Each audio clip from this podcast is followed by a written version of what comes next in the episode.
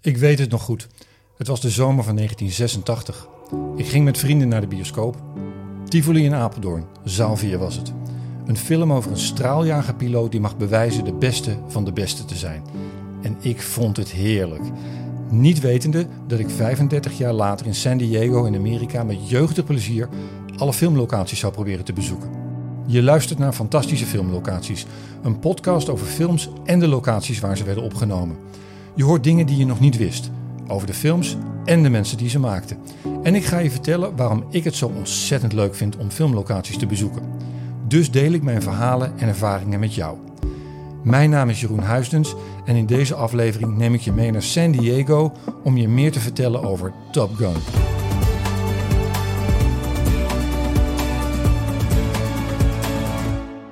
De eerste locatie waar ik je in deze aflevering mee naartoe neem, ligt op het schiereiland Point Loma bij San Diego. Op het puntje daarvan, bij de vuurtoren, ligt het huis van Commander Viper uit Top Gun. Een prachtige witte dienstwoning met palmbomen, omringd door de zee. Jammer alleen dat het allemaal defensieterrein is, waardoor je er niet dichtbij kunt komen.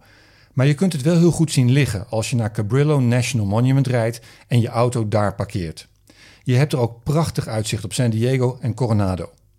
Mijn tip is wel: bezoek het park vroeg op de dag en niet op feestdagen, want anders sta je in een lange rij voor een ticket. Je betaalt wel 20 dollar om je auto te kunnen parkeren. Je luistert naar fantastische filmlocaties. Voordat ik zo verder ga, eerst even terugspoelen in de tijd. Het Top Gun-avontuur begon toen producent Jerry Bruckheimer in 1983 een artikel zag in California Magazine. Het ging over straaljagerpiloten. Hij gooide het bij zijn collega Don Simpson op zijn bureau en zei: Dit is Star Wars op aarde en wij gaan hier een film over maken. Om je even wat context te geven: Jerry Bruckheimer en Don Simpson waren net begonnen als zelfstandige filmproducenten. Hun eerste films, Flashdance en Beverly Hills Cop, moesten nog een hit worden. Ze pitchten het idee van Top Gun bij Jeffrey Katzenberg, die toen productiebaas was bij Paramount Pictures. Die legde het idee op zijn beurt voor aan twee van zijn favoriete scenario-schrijvers, Jack Epps en Jim Cash. Toen Epps de foto bij het artikel zag, was die direct verkocht. Het was een foto van een straaljagerpiloot in een cockpit op 20.000 feet hoogte met aan zijn rechterhand twee andere jagers. Epps was zelf piloot en wilde eigenlijk wel een spectaculaire proefvlucht maken. Nou, en die kreeg hij. I feel the need, the need for speed. Op dat moment in de tijd was iedereen ervan overtuigd dat Top Gun alleen zou gaan vliegen als de Amerikaanse luchtmacht mee zou willen werken. Don Simpson had slechte ervaringen met het leger. Dat kwam door de reacties op de film An Officer and a Gentleman en de luchtmacht had op zijn beurt een nare smaak in de mond van het meewerken aan de film Final Countdown. Maar toen voormalig piloot en Top Gun-instructeur Peter Pettigrew aan boord werd gehaald, kwam er vaart in het proces.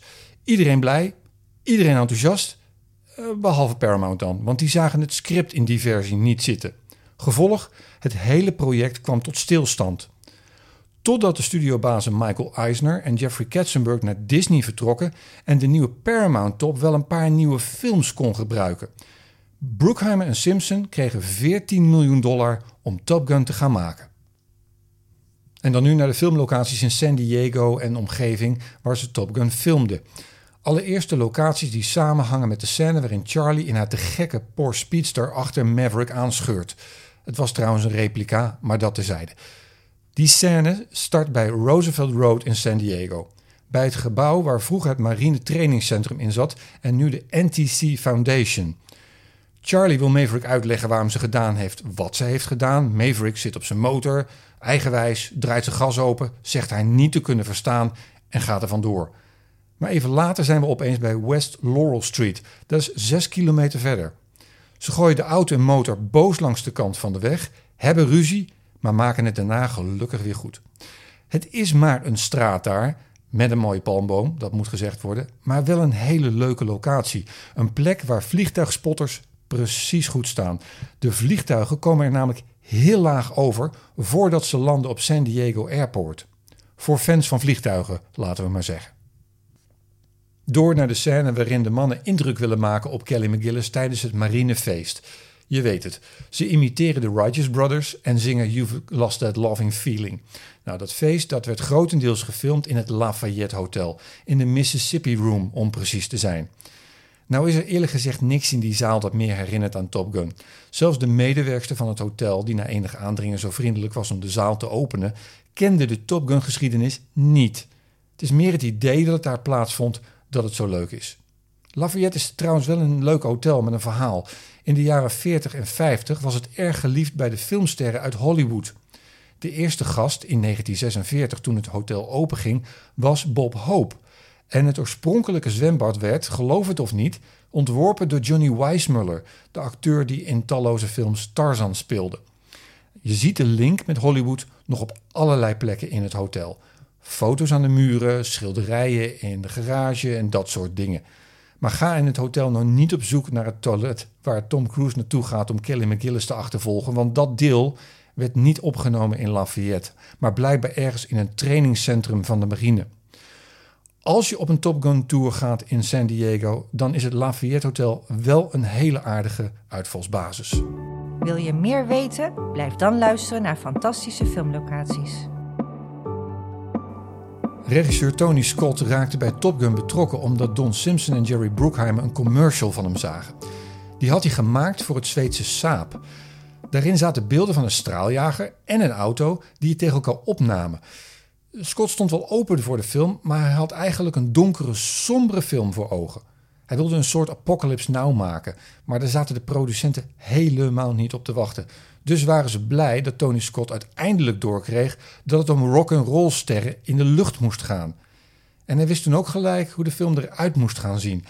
Hij bladerde daarvoor door een fotoboek en wees de foto van Bruce Weber Boys in a Car aan. Op die foto zie je drie woest aantrekkelijke fotomodellen zonder t-shirt in een Chevrolet. De scène waarin Scott zich wat dat betreft helemaal uitleeft is Playing with the Boys. Het is de scène op het beachvolleybalveld met de muziek van Kenny Loggins waar je de testosteron echt door de lucht ziet vliegen. Het werd gedraaid op Marine Corps Air Station Miramar, net boven San Diego, waar je normaal als burger geen toegang toe hebt. Maar waar je in september wel een hele grote luchtshow kunt bijwonen. Het veld werd er alleen voor de film aangelegd. En wat ik dan wel weer grappig vind, is dat Tony Scott de acteurs liet insmeren met babyolie voor het ultieme effect. Ook de locker room scene met veel ontblote bovenlijven past helemaal in dat plaatje. Tom Cruise en Val Kilmer die de confrontatie met elkaar aangaan. De scène werd opgenomen in de kleedkamer van de Plunge, een binnenzwembad in San Diego. Maar dat is sindsdien helemaal verbouwd en er is niets meer te herkennen. Tom Cruise was echt vanaf het eerste moment de beste kandidaat voor de hoofdrol. Jack Epps en Jim Cash schreven het script ook met hem in gedachten. Dat kwam omdat ze net de film All the Right Moves hadden gezien. En ook Bruckheimer en Simpson zagen Cruise al zitten. Anderhalf jaar lang probeerden ze hem warm te krijgen voor de film, maar hij hapte niet. Totdat hij mee mocht op een vlucht van de Blue Angels, het demonstratieteam van de Amerikaanse marine. Tom Cruise had op dat moment voor een andere rol lang haar dat hij in een paardenstaart droeg. Toen op de basis kwam voor de testvlucht, dachten de marinemannen: wat komt daar nou voor hippie aan? Maar ze namen hem mee naar boven en lieten hem even voelen wat G-krachten met je lichaam doen. Hij was net uit het vliegtuig of hij belde de producenten dat hij aan boord was. Dat is althans de versie van het verhaal dat Jerry Bruckheimer vertelt. Tom Cruise brengt dat verhaal wat anders. Hij was namelijk al lang van plan ja te zeggen, maar hij wilde in het contract hebben dat hij gefilmd zou worden in een F-14. Son, your ego is writing checks your body can't cash. Goed, door naar de volgende locatie. Naar Oceanside, een plaats net boven San Diego met zo'n 170.000 inwoners. Prachtig gelegen aan de kust. Het is de plaats waar de opname van Top Gun op 26 juni 1985 startte. Toen ik vorig jaar op een hele mooie dag op North Pacific Street in Oceanside aankwam, schrok ik me eerlijk gezegd kapot. Het huis dat ik zocht stond er niet. Volgens mijn aantekeningen zou het moeten staan op de hoek van North Pacific Street en First Street. De plek waar Maverick op zijn motor komt aanrijden, aanklopt op de deur, door het raampje kijkt, over het hekje springt en uiteindelijk zijn excuses moet aanbieden omdat het te laat is voor de eetafspraak. Maar het stond er dus niet. Wel stond er een heel groot nieuw appartementencomplex. En ik baalde er zo ongelooflijk van. Dus ik googelde op mijn telefoon. Kom ik erachter dat het Victoriaanse blauwe huis van Dr. Henry Graves, dat 132 jaar op die ene plek heeft gestaan, is opgetild en verhuisd naar een plek 300 meter verderop. Dus ik daar naartoe. Ja hoor, daar staat het. Volledig gerenoveerd, strak in de lak, stralend in de zon. Wat blijkt, de projectontwikkelaar wist waar hij mee te maken had. Hij voorkwam dat het zwaar gehavende huis tegen de vlakte ging. Volgens de verhalen heeft hij er 1 miljoen dollar in gestopt om het te renoveren en in zijn geheel te verplaatsen. Ze gaan er waarschijnlijk een ijskobar van maken, maar wel een die recht doet aan de status die het pand heeft. Het was er in ieder geval echt geweldig om er rond te hangen. Vooral omdat veel mensen niet lijken te weten waar ze aan voorbij lopen. Dat, dat merk je gewoon. Het tweede deel van de scène waarin Maverick vertelt over zijn ouders terwijl hij en Charlie naar de muziek van Otis Redding luisteren, werd niet in het huisje opgenomen. Dat gebeurde, nou ik heb gelezen, in een studio in, van Paramount in Los Angeles. Maar dat doet totaal geen afbreuk aan het plezier dat je hebt als je de locatie bezoekt en op de trap van het huis in de zon geniet van het nummer Sitting on the Dock of the Bay. Sitting in the morning sun. I'll be sitting the evening. Over muziek gesproken, je zou Top Gun een van die films kunnen noemen waarmee het tijdperk van de pop-soundtracks losbarstte. Maar dat doet geen recht aan de muziek van Harold Faltermeyer, de componist die nauw samenwerkte met Giorgio Moroder en daar ook duidelijk door is beïnvloed. Wij kennen Harold Faltermeyer vooral van zijn muziek voor Beverly Hills Cop en de tv-serie Miami Vice, maar de producenten leerden hem kennen toen ze werkten aan de muziek voor Flashdance. Hij was zo enthousiast over hun verhalen over Top Gun dat ze hem het script stuurden met de vraag: Wat vind jij ervan? En toen was er nog geen meter film geschoten, hè? Voltermaier beantwoordde hun vraag tijdens een etentje. Hij zei dat hij het muziekstuk al klaar had, maar dat was helemaal niet waar. Dus toen Don Simpson het direct wilde horen, skipte hij het toetje, ging naar de studio en werkte daar aan de laatste details. De mannen kwamen vervolgens na het eten naar Voltermaier studio om het nummer te horen dat we nu kennen als Top Gun Anthem. Ze waren er zo weg van, nou ja, de rest is geschiedenis. Ik wil er toch even stil bij blijven staan, omdat het ontzettend leuk is om muziek mee te nemen als je filmlocaties bezoekt. En vooral omdat de muziek van Harold Faltermeyer maar een paar tonen nodig heeft om Top Gun weer helemaal tot leven te laten komen.